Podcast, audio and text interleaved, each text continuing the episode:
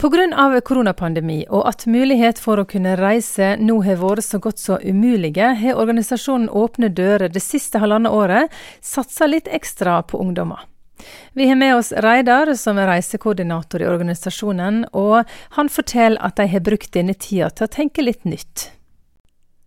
Ja, det er ganske spennende. Vi i Åpne dører føler at uh, Gud i denne perioden har åpna masse nye dører for oss.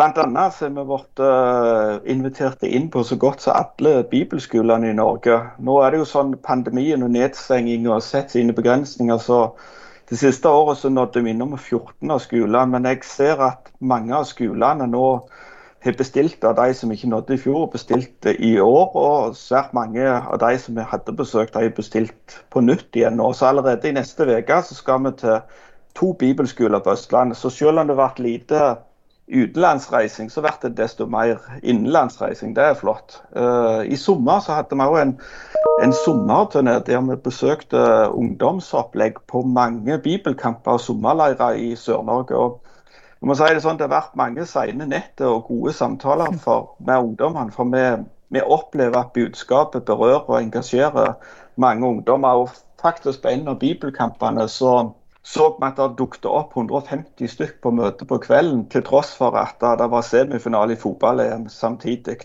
Engasjert ungdom, altså. Du forteller også om eh, et opplegg som dere har hatt i flere år, som dere nå i denne tida har fornya litt. Fortell litt mer om det. Vi i Åpne dører har hatt et rollespill eh, over mange år der vi har hatt uh, bibelsmugling som tema. og Pandemien har gjort at det har vært vanskelig å gjennomføre dette rollespillet.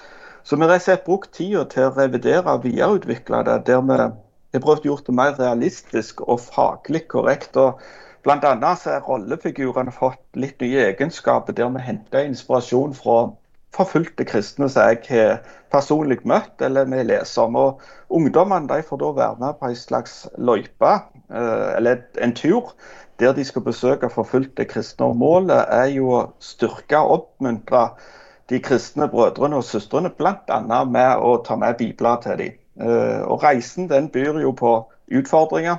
Den byr på valg som ungdommene har til sette på, og han innbyr også til gode refleksjoner. Og det hele ender opp med et hemmelig undergrunnsmøte i en kinesisk menighet der de møter pastor Lam. Eh, en mann seg selv møtte i Kina på 90-tallet. Og dette rollespillet det er jo retta mot ungdommer, eh, som er selvsagt lagt inn en del action, en del spenning og litt overraskelsesmoment. Men for oss Åpne dører så er det utrolig viktig at uh, ikke action og spenninger skal stå i veien for budskap fra den forfulgte kirke. Så vi ønsker rollespillet skal berøre ungdommene, samtidig så det skal gi dem innsikt og refleksjon. En eh, engasjert eh, reiseleder her, som, som altså i det siste har reist rundt på stevne og truffet ungdom. Og du sa det at det har vært en positiv opplevelse. Det var på en måte folk i kø for å komme inn. Og de har reagert positivt. Altså, Hvordan responderer de på budskapet, ungdommene? Ja, jeg har litt lyst, for jeg kjenner meg litt igjen, så jeg har lyst til å ta litt utgangspunkt til meg sjøl. Jeg var 18 år og så det lokale styret i ungdomslaget. og vi, På den tida støtta vi Åpne dører med penger. og på ett av styremøter så ble vi rett og slett utfordra av generalsekretæren i Åpne dører til å sende noen til Kina for å bære bibler. Og valget falt jo på meg og en kamerat. og, og I løpet av den måneden så ble mine øyne åpna for en ukjent verden. Eh, jeg fikk bl.a. levere bibler til han her pastor Lam og besøke undergrunnskirka.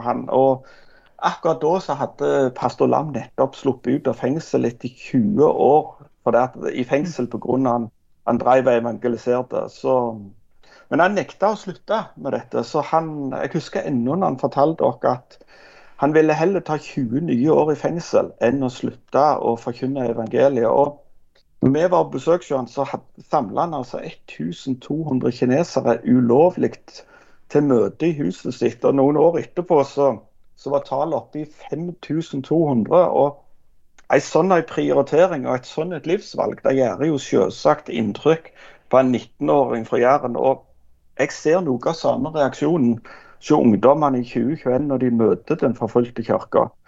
Eh, jeg underviste på en bibelskole i Haust, og etter en av filmene så reiste jeg meg opp, og plutselig så ser jeg at flere av studentene sitter oppløst i tårer etter å ha sett filmen.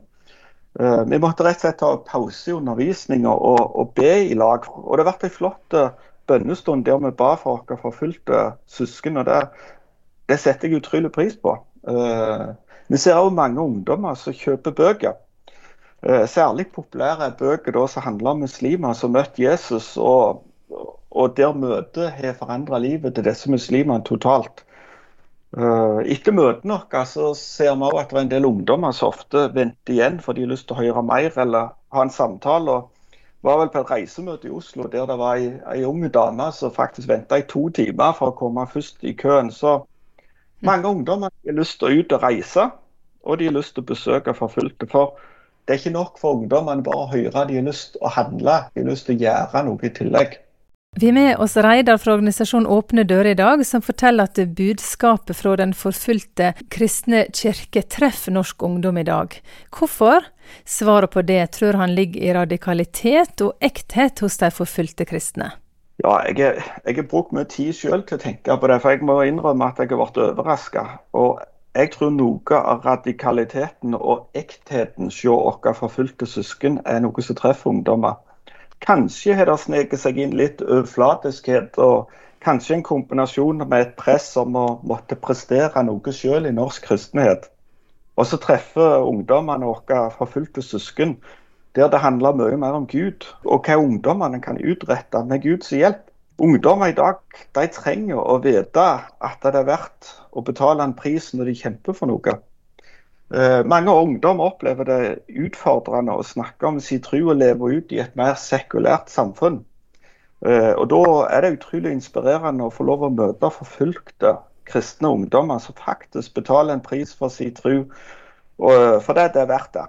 Vi Åpne dører har en dobbel hensikt med å nå ut til ungdommene i Norge i dag. For det første så ønsker vi å nå hjertene til, til ungdommene med historier, sånn at de kan la være engasjerte og ta ansvar for en del av den kristne kroppen, altså de forfulgte.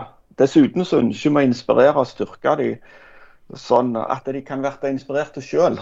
Eh, jeg tror det er utrolig mye skam i samfunnet i dag, og vi ønsker først og fremst å inspirere ungdommene. Du, Denne tematikken med forfulgte kristne har vært aktuell siden det første kristne kirke, og er også blitt veldig dagsaktuell i det siste når vi har hørt fra Afghanistan. Eh, kan, kan, vi som kristne gjøre for disse? Ja, Med et slagord sier alle kan be, mange kan gi, og noen kan reise.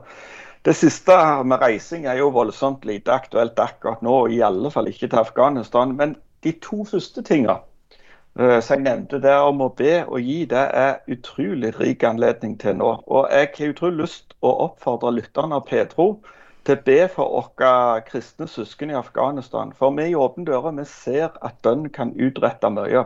Mm. Og be gjerne òg for Taliban. For vi kjenner historier der ledere i terrorgrupper på mirakuløst vis tok imot Jesus. Ungdommer som har hørt meg eh, tale på møter der jeg kjenner en del av disse historiene. Og jeg har selv fikk vært med og levert bibler til tidligere ledere i Al Qaida som tok imot Jesus. Vi tror på en allmektig Gud. Og så er det sånn i vår som er i Åpne dører har utvikla noen flotte hefter for å engasjere barn og ungdommer til å be. Det består av klistremerker, plakater, fargelegging. Så, og det slår utrolig godt an blant unge, foreldre, besteforeldre. Så ta gjerne kontakt med oss i Åpne dører, så sender vi dem. Og dere fortsetter jo med ungdomsarbeid, du skal ut på bibelskoler og sånn, sier du. Andre planer framover? Ja, Det siste året så har vi avdekka vi ser at det er et behov og et ønske blant ungdommer. Vi har et viktig budskap med i Åpne dører å gi dem, så dette kommer vi til å fortsette med å satse på.